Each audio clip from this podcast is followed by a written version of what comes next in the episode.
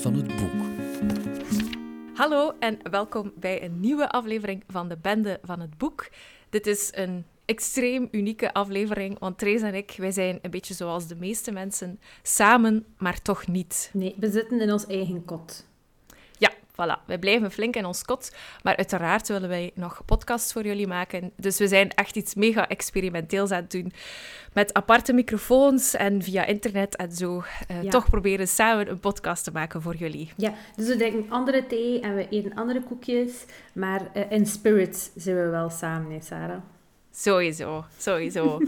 dus als het een beetje raar klinkt, dan is, dat, is corona eigenlijk de, de verklaring. Blij me dan corona. Wij doen dat ook. Ja.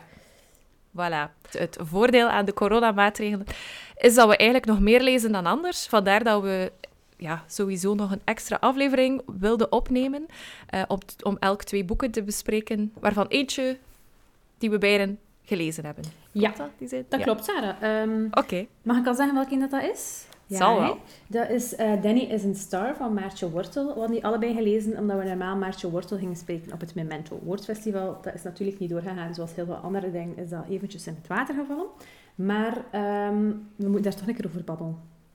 Ja, ik vind dat ook. Mhm. Ik vind dat ook, ja. Oké, en ik heb ook nog ehm, Aria van Nazanin Hozar eh, liggen om te bespreken. En dan heb ik nog een digitaal boek, eh, en dat is het handboek voor de burger in tijden van corona. Oh, dat is ja, wel vrij actueel. ja. en ik heb nog eentje mee en dat is Alles wat ik niet kan zeggen van Emily Pine. Alright. Ehm, en ik ben honeybush thee aan het drinken en ik ga nu mellowcakes beginnen eten. En ik moet zeggen, ik ben geen hamsteraar, maar dus in het begin van de corona-craze ehm, waren de mellowcakes allemaal uitverkocht. Echt? Niet door mij. En ik had echt mega veel zin in mellowcakes en die waren er gewoon echt niet. Oeh, is, er een, is dat ook zoiets dat je moet hamsteren? Blijkbaar. Maar nu zijn ze wel weer beschikbaar in de winkel. Ah ja, oké. Ja. Nee, daar zou ik ook niet aan denken. Moest ik zo nu mogen naar de Colruyt gaan en ik mag hamsteren of zo, zou ook bizar. Misschien was er ook toevallig een tijdelijk tekort aan mellowcakes. Ik weet het niet. Maar ik snap waarom de mensen dat zo'n hamster Nee, dat is mega lekker. Dat is waar, dat is waar. Maar nu zijn ze er weer, dus allee. Dat is eigenlijk al geen issue meer. Oké. Eh, ja, ik heb eh, Oreo-wafels die Miel heeft gemaakt. Living your best life. Ja, ik mag eigenlijk niet klagen. Met welk boek wil je beginnen, Trace? Goeie vraag. Ik denk dat ik ga beginnen met Aria. Ja, Maar? dat is goed. Ja, zeker.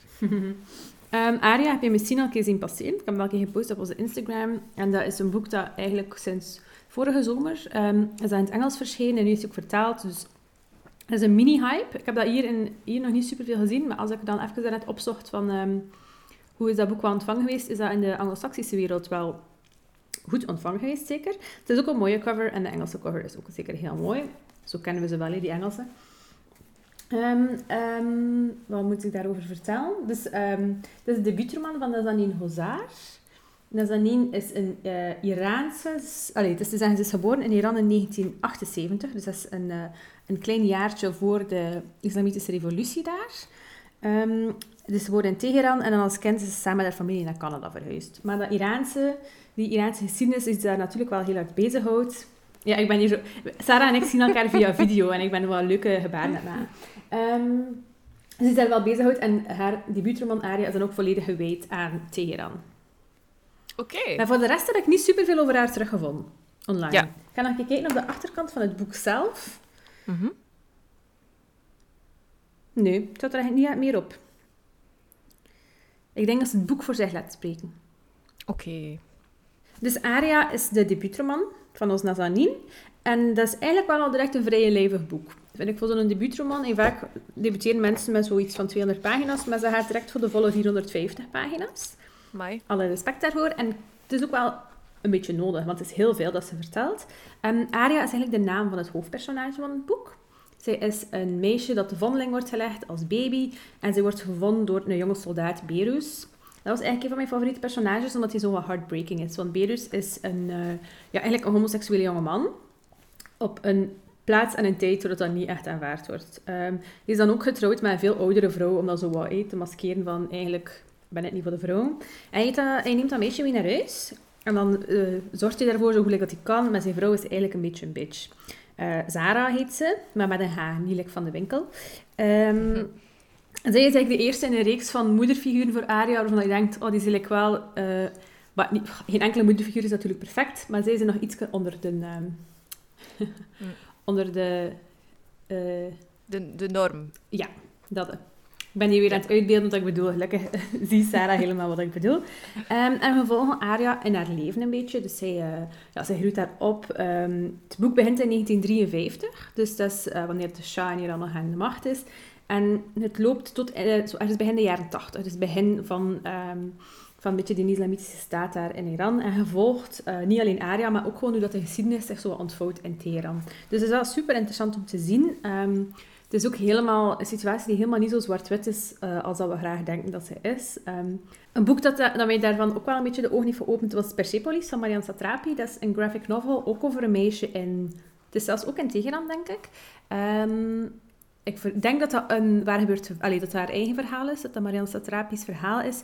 En dat ook toont heel hard aan van wat zijn de verschillende uh, stemmen in dat conflict, hoe is dat hoe is die revolutie gebeurd? Um, bijvoorbeeld wat je hier ook heel hard aan leest, is hoe dat heel de, de communisten al daar ook een beetje een rol in gespeeld hebben, wat dat mij niet helemaal duidelijk was. Ik dacht dat ging een beetje tussen ah, de westerse kapitalisten en dan de islamitische revolutionairen, maar blijkbaar hebben de communisten daar ook nog een heel spel in gespeeld. Uh, en dat komt wel mooi naar voren in deze roman, over hoe complex en gelaagd dat dat helemaal uh, eigenlijk is. Um, allee, dat historisch feit, maar ook die samenleving. Wat dat ook mooi daaraan is, is Um, dus we hebben Aria, dat we volgen, we hebben Zara, haar eerste uh, surrogaatmoeder.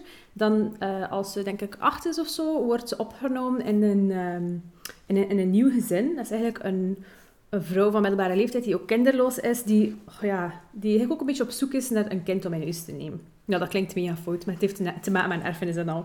Uh, maar die vrouw heet Vereshta en is op zich wel een goede vrouw. Maar die kan ook niet zo heel goed haar gevoelens uiten en zo. Maar wat er interessant is aan haar, is dat ze eigenlijk uit een familie van Zoroastriërs komt. En Zoroastriërs is een, um, ja, eigenlijk een super oud geloof, een, een Persisch geloof. Um, ja, ik kan daar niet super veel meer over vertellen, behalve dat het vrij veel met vuur te maken heeft. Die hebben zo van die vuurtempels en zo. Wel heel indrukwekkend zijn. En dan komt dat via haar ook een beetje daarin. ook, dat is weer een ander aspect van Iran dat wij misschien niet zo goed kennen. Eh, maar dat daar wel zeker een rol speelt. Dus dat via die... Um, Vereste vindt dat zo zijn, zijn plaats in dat verhaal. En dan de derde moederfiguur is eigenlijk de originele moeder van Aria. Op een of andere manier wordt zij teruggevonden, uh, alhoewel de Aria dat zelf niet echt weet. Um, die vrouw heet Mary en die is eigenlijk heel arm. Dus uh, die is arm, die heeft uh, drie, drie of vier dochters. Ja, uh, en die is ook getrouwd met een andere man. En Aria komt er dan ook over de vloer, niet wetende dat dat eigenlijk haar moeder is. Maar die Vereste stuurt haar naar daar om zo wat goede daden te doen. Oké. Om in de hemel te komen. ja. Goeie reden. Ja, dus, ja inderdaad. Uh, as good as any, hè. Uh, dus dat zijn een beetje de drie vrouwen, um, die, die, drie heel verschillende vrouwen die een heel verschillende blik geven op die maatschappij. En dan Aria die haar weg daar een beetje in vindt. Ja, oké. Dus ze volgt uh, eigenlijk gewoon, allez, gewoon het leven van een, een vrouw die heel veel meemaakt. En tegelijk kom je veel te weten over de geschiedenis van Iran. Klopt, Sarah. Mooie samenvatting. Op die manier deed het mij soms een klein beetje denken aan uh, Het Huis met de Geesten van Isabella Allende. Um, heb je die gelezen? Ja. Ja, ik vind dat uh, ik ga niet zeggen over de rest van het oeuvre van Allende, maar Het Huis van de Geest vind ik echt een must-read. Zeker als je meer wil weten over gewoon Zuid-Amerika en hoe dat alles daar gebeurt. Maar het mooie daaraan is inderdaad ook dat je door personages te volgen heel veel te weten komt over de geschiedenis daar. En hier is dat een beetje hetzelfde. Um, je ziet ook, de, de, dus je hebt Aria en dan die drie vrouwen, maar je hebt ook haar, va allee, haar vader, Perus, de man die haar adopteert. Je hebt dan ook haar vrienden die je leert kennen als ze zo wat ouder wordt. En die gaan ook allemaal verschillende kanten uit. Je hebt dan een communist, maar je hebt dan ook iemand die in de revolutionaire garde zit. Ehm, en dat is wel echt een heel, heel veel verschillende personages komen samen in die figuur van Aria.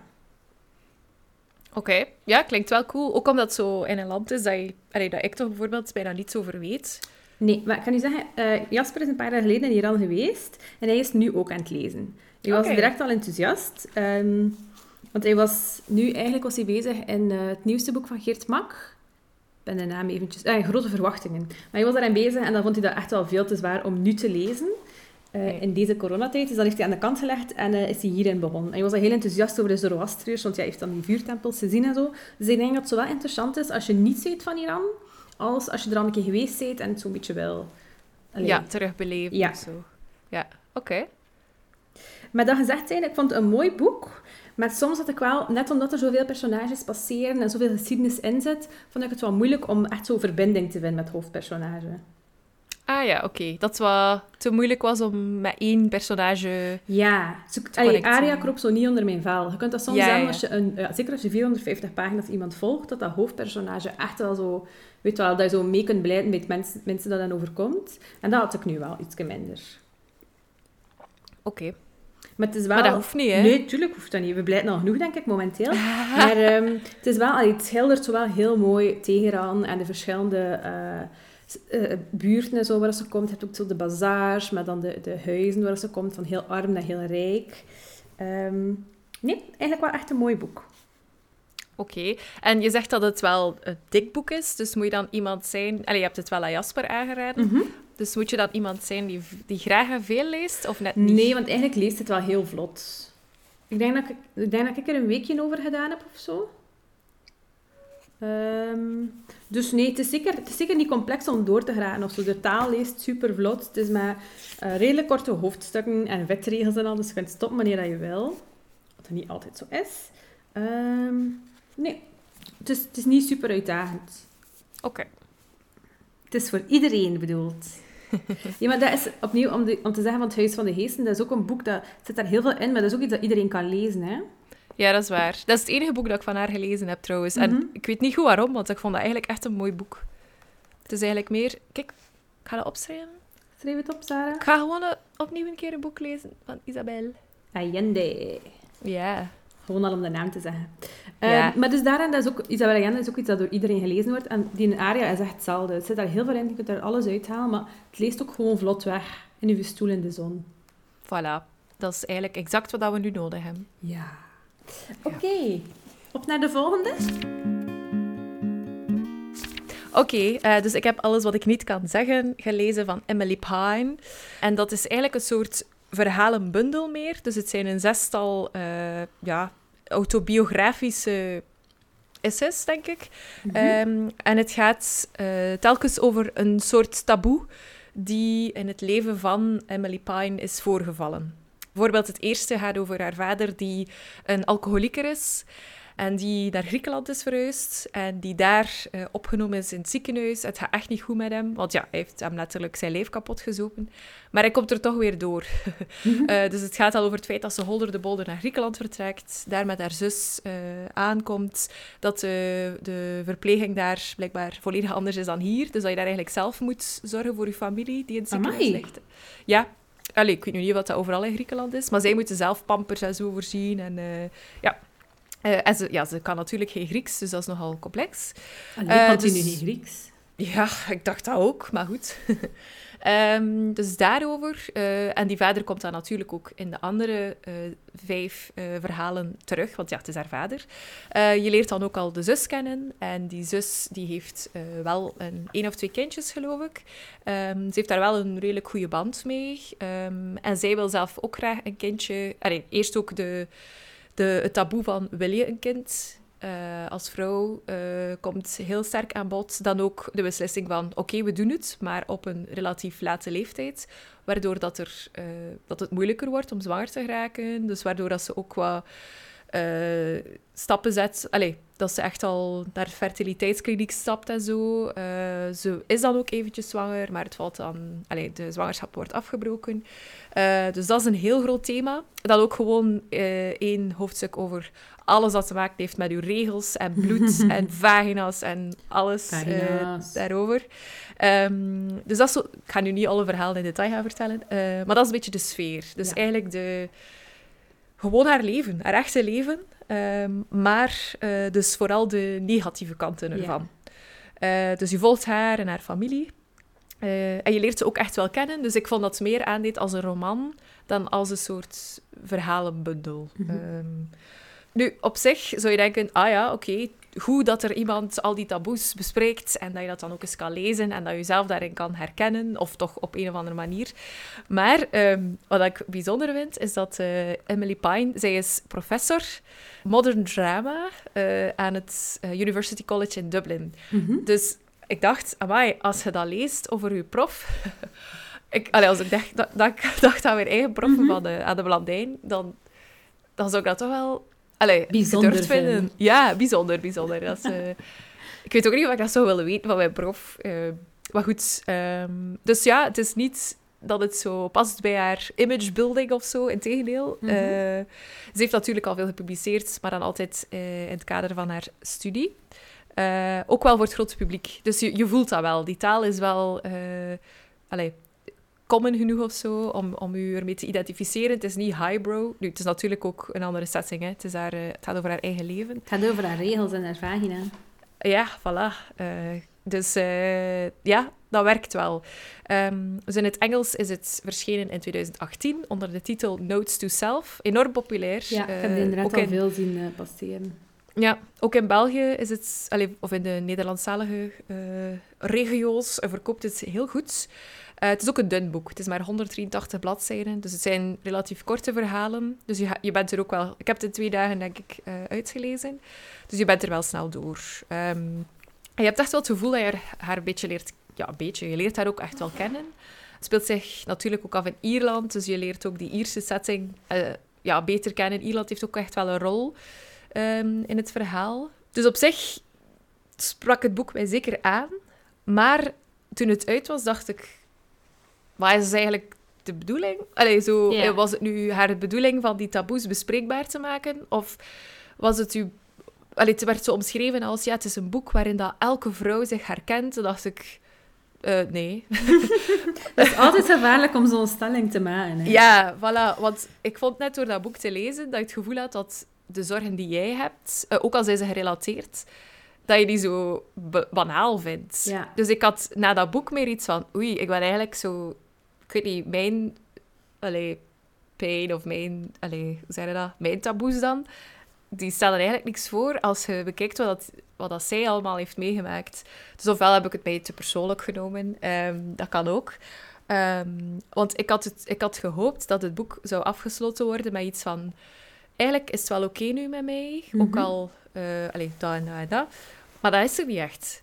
Eh, dus ik, er is ook niet echt een soort evolutie of zo ehm, in dat personage. Nu, natuurlijk, het zijn zes aparte verhalen, dus Mhm. daarom is dat misschien wat moeilijker om dat uit te werken.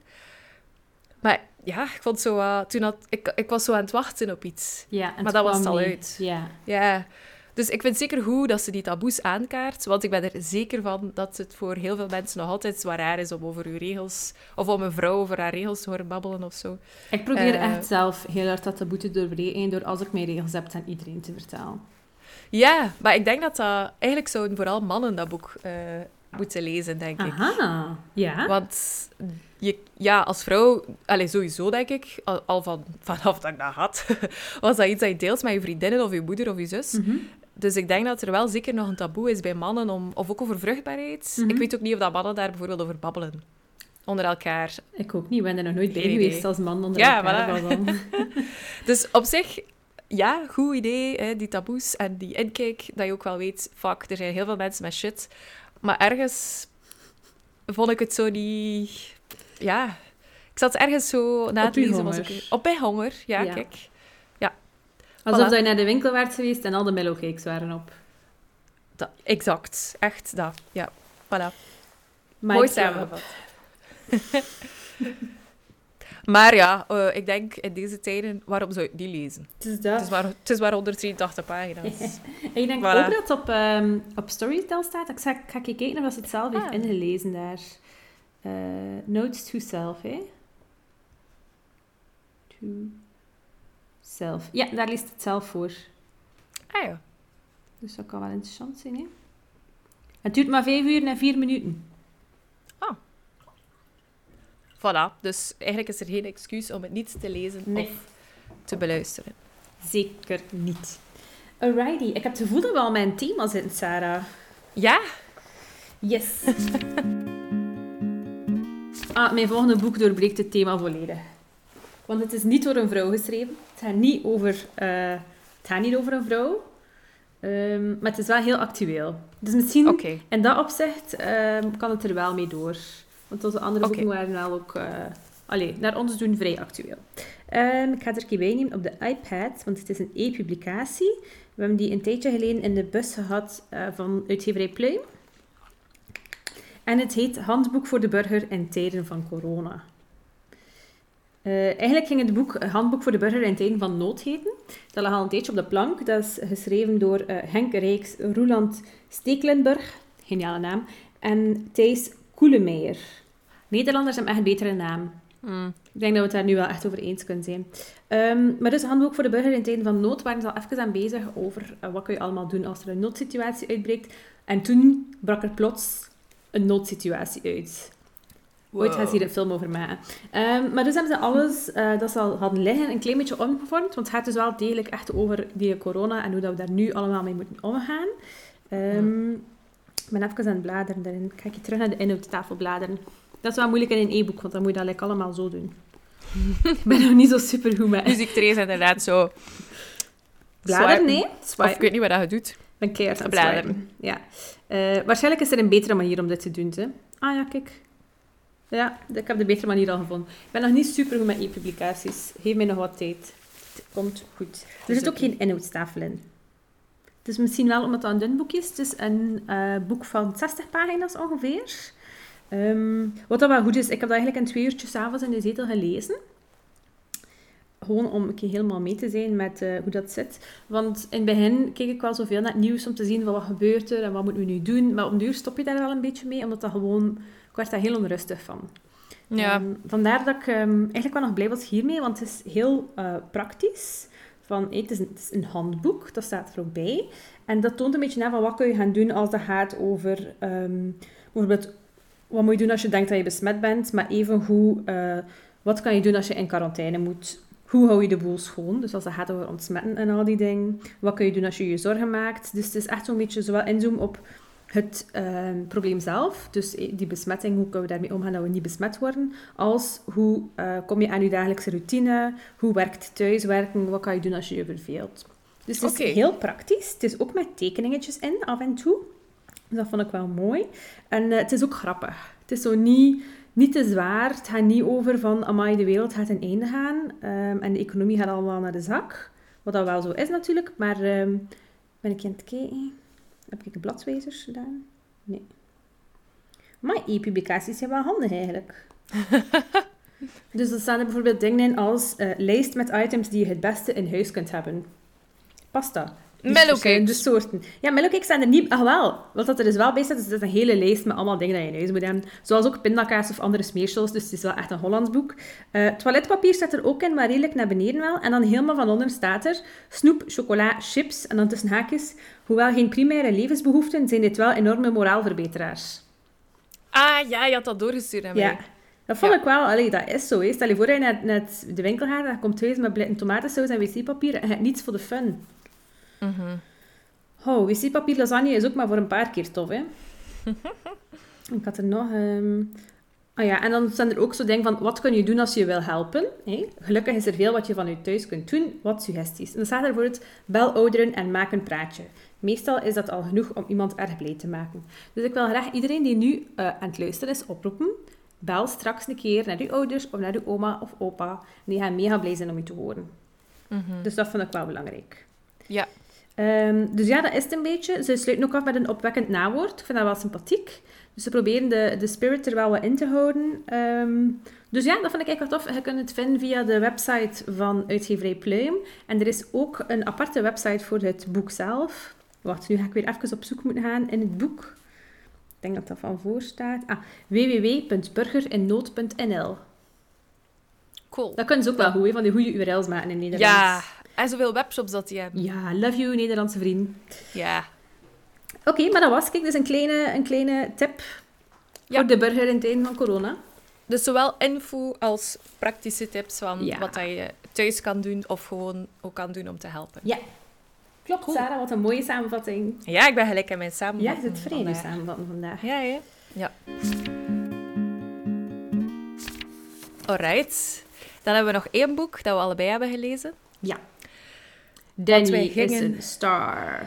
Yes. Sorry, ik heb je onderbroken, Sarah. Het is niet erg. Uh, want we gingen inderdaad normaal Maartje Wortel interviewen. Eh, ik keek daar mega naar uit. Ik was ook al een beetje zenuwachtig, want ik lees Maartje Wortel wel heel graag. Maar dat is dus helaas niet mogen doorgaan. Maar ik ben wel blij dat ik het boek toch nog gelezen heb. Ja. Want deze had ik nog niet gelezen. Danny is een niet. star. Het was nieuw voor mij. Ik had ehm IJstijd gelezen, maar dat is wel al een aantal jaar geleden. En dan haar, haar klein boekje Goudvissen en Beton heb ik liggen, maar ik heb het nog niet gelezen, denk ik. Ja. Maar nu ga ik dat misschien wel doen.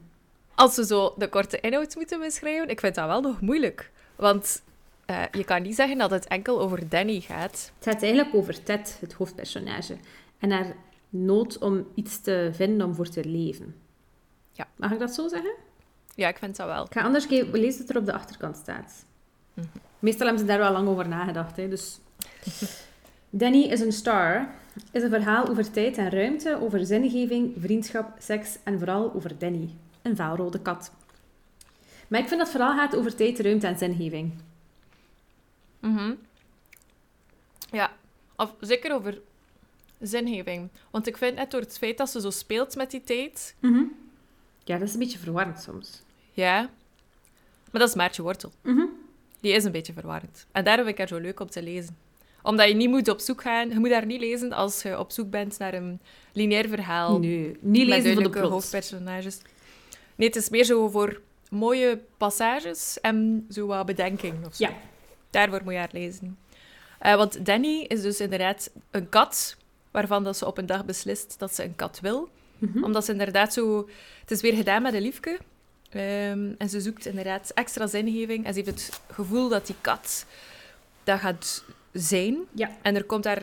Eigenlijk vormt ze er een soort religie rond. En ze betrekt daar ook haar vrienden bij. En die gaan er allemaal in mee, behalve één iemand. Eh, en dan gaan ze ook die kat gaan halen. En dan gaan ze die ook een soort inwijdingsritueel mee gaan doen. Ze dopen de kat. Ja, ehm, dus vreemd, maar je bent mee in het boek, dus voor mij voelde het ook niet zo vreemd. Ehm, en eigenlijk duurt het heel lang voordat ze de kat effectief heeft. Ja, dat is een beetje de mop eigenlijk. Want het begint met eigenlijk van alles te vertellen over Danny. En dan blijkt dat ze helemaal nog geen, geen kat heeft. Ehm, ze ging eigenlijk eerst een kat gaan halen. Ze dacht dat die Danny heette, maar dan bleek dat Danny de naam was van het baasje. En dat de kat helemaal niet was waar ze naar op zoek ging. Dus dan ging ze weg en dacht ze van... Maar nu weet ik wel al, mijn kat moet Danny heten. Ja, vond ik ook wel grappig. Ja, Maartje Wortel is wel grappig, vind ik. Moet nu nog Dus iets vertellen over Maartje Wortel. Ja, Want ik, ik dacht eigenlijk altijd dat iedereen Maartje Wortel kende. Maar eh, dan was ik bezig tegen een collega van mij ehm, over Maartje Wortel. En dan zei ze, ja, nee, die ken ik niet. En ik dacht, wauw, onder welke steen heb jij geleefd? Maar eh, blijkbaar zijn er wel mensen die haar niet kennen. Oké, ik heb wel wat feitjes verzameld. Right. Ehm, onder andere over haar studies. Eh, want daar vond ik iets grappigs in. Dus na het middelbaar is ze een jaar journalistiek gaan studeren. Is aan de Academie voor Journalistiek in Tilburg. Maar na een jaar mocht ze niet meer verder doen, omdat ze alles verzon. ja, dan weet je dat je romancier moet worden. Hè. Voilà. En dan is ze maar beeld en taal gaan studeren aan het Gerrit Rietveld... Nee, aan de Gerrit Rietveld Academie in Amsterdam. En dat, dat is dus van eh, de opleiding die ook vermeld wordt in het boek. Ja, anders had ik het gelezen op de achterkant. Ja. Ik ga de volledige flaptekst gelezen hebben. Het is misschien wel leuk voor de persoon die de flaptekst heeft geschreven. Ja. Goed werk. Op de Rietveld Academie kreeg ik les van Wim Brands. Tijdens een van de eerste lessen gaf hij ons een paar regels mee. Hij zei, probeer niet te lachen, dat komt zo dom over. Hij zei ook, je moet eerst weten hoe je moet sturen voor je uit de bocht vliegt. En hij zei, schrijf nooit over je kat. Of over welke kat dan ook. Ha, Ha, zal hem leren. Ja. Ehm, dus dan vond ik het wel grappig om dat te lezen. Ehm, ja, ze is geboren in oktober ook, 26 oktober. Eh, in 1982 wel, in Nederland. En haar vader, eh, zijn naam is Gerard Wortel. En die eh, deed mij een beetje denken aan zo Jean Bloute of zo. Het is een theatermaker, tekstschrijver, troubadour, multi-instrumentalist Ja. en impresario. De Dus- Hollandse Jean Blote dus. Ja, ja, en hij lijkt er ook wel een beetje op. Hebt u research weer goed gedaan, Sarah? ja, ja, ja, ja. Ja, corona. Ja.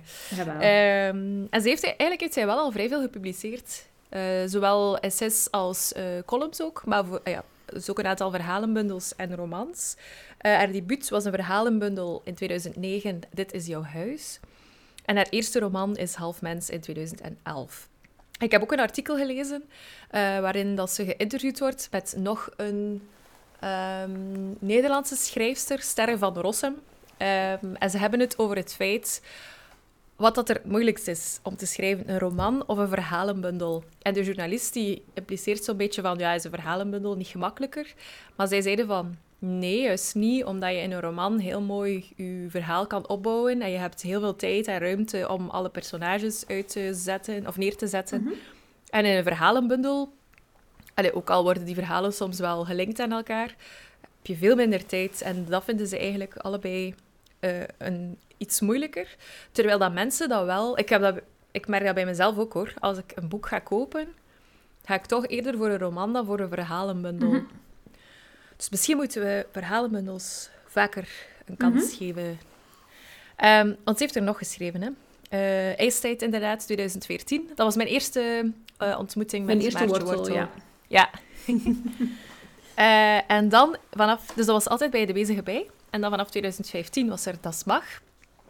En dan eh, heeft ze daarbij opnieuw een verhalenbundel geschreven. Er moet iets gebeuren. En dan inderdaad Goudvissen en Beton in 2016. En dan nu dus 2019, Danny is a Star. En dan dacht ik als ik dat las, wauw, dat is eigenlijk wel al veel, hè? Mhm. Dat is, dat is een, een vrij hoog ritme, toch, om te schrijven. Dus eh, goed bezig, Maartje. Oh, zo Maartje luisteren naar de podcast, zal ze opsturen naar haar. Eh, misschien, want jij moet ook binnen blijven, hè? Dat is waar, ik ga hem opsturen. Ja. You never know. Ik dat Oké. terzijde. Wat vonden we van het boek? Ik vond het heel bijzonder. Ik vond het heel grappig. Ehm, het was een tijdje geleden dat ik haar vorige boek had gelezen, dus ik was niet meer helemaal gewoon met de stijl. Dus ik moest er een beetje aan wennen dat er zo wel wat overal naartoe ging.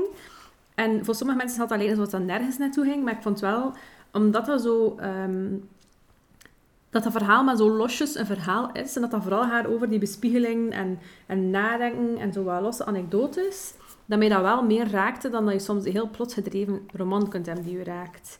Ehm, ik een van de... ehm, een stuk dat heel mooi aangeeft van hoe dat de roman zo'n beetje in elkaar zit, staat redelijk in het begin. Ehm, en dat is... De tijd is een kat. Een kat aanleiden is onmogelijk. Zo'n dier is 3D en kan overal zijn. Hij verplaatst zich zonder dat je het doorhebt naar een plek waar je niet bij kunt. Je raakt al gauw met lijnen al verstrikt en zo is het geloof ik ook met de tijd. Er is geen verhaal en als er al een verhaal is, is het overal. En dat vond ik ook een beetje dat die roman gewoon zo is. Hij is Ja. overal en hij springt een beetje van het ene naar het andere. Ehm, en moest je mij nu zeggen van, Trace, vertel ik het verhaal in twee zinnen en ik doe dat, ik ga dat niet doen, dan zou je ook denken van, amai, waarom moet ik dat lezen? Dat, dat had even goed een Instagram-post kunnen zijn. Ehm, maar dat is ook omdat dat boek niet om het verhaal draait. Nee, het klopt wel, want het is wat ik daarnet ook zei. Je moet het lezen omdat je mooie passages wil lezen. Omwille Mhm. van de taal vind ik ook wel. Ze heeft een hele mooie taal. Eh, ja, en de sfeer en de bedenkingen. De bedenkingen de ook wel heel Ja, erg. hè? hè. Ja, het is soms wel, zeker in het begin, vrij filosofisch. Mhm. Eh, maar dat is vooral de eerste helft, denk ik, van, van de roman. Het gaat ook wel over relaties, zowel over vriendschappen als over romantische relaties. Ehm, en een klein beetje hoe ons heel- hoofdpersonage Ted er niet in slaagt om zoiets duurzaams op te bouwen, behalve met haar vriendin N en, en dan Danny.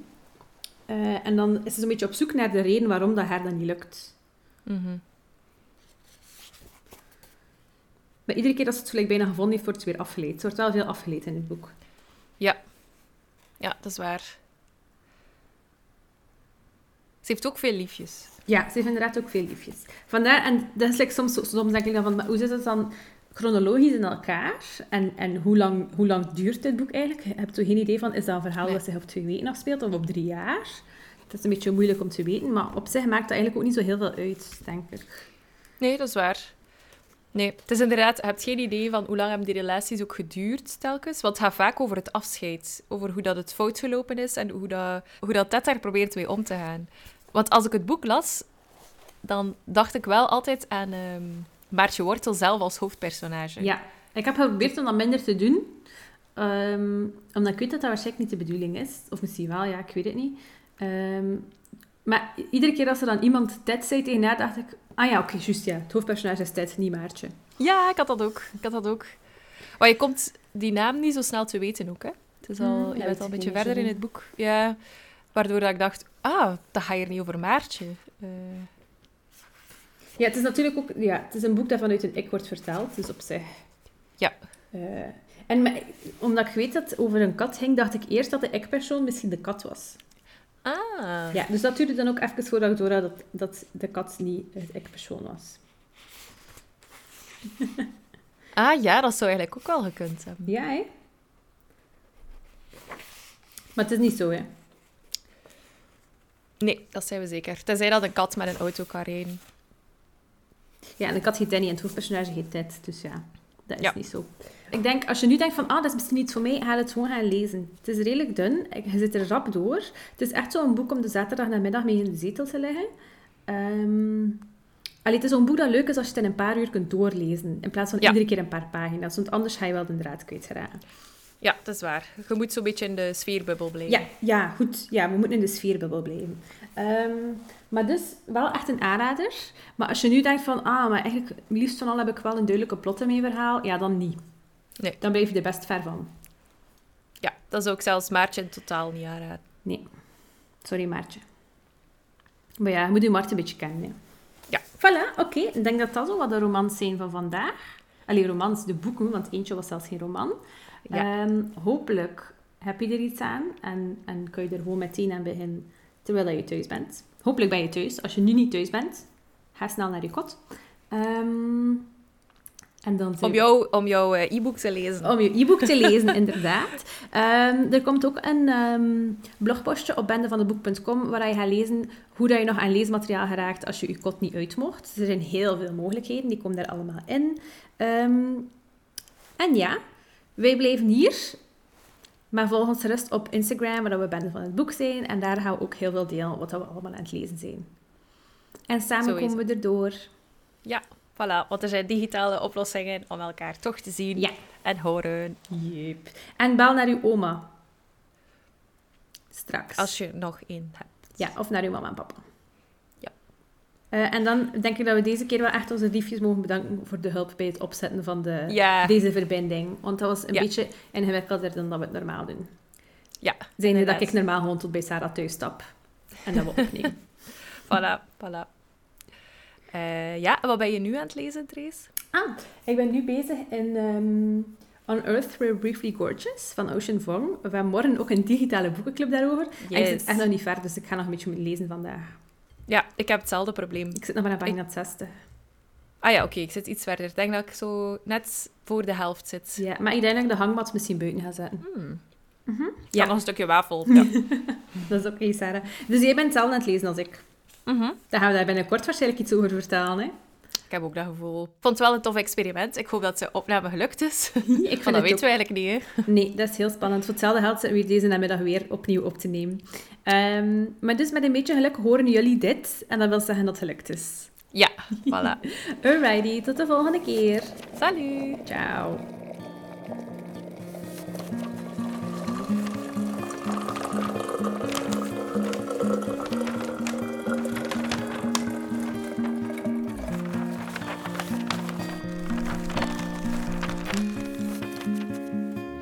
Einde van het boek.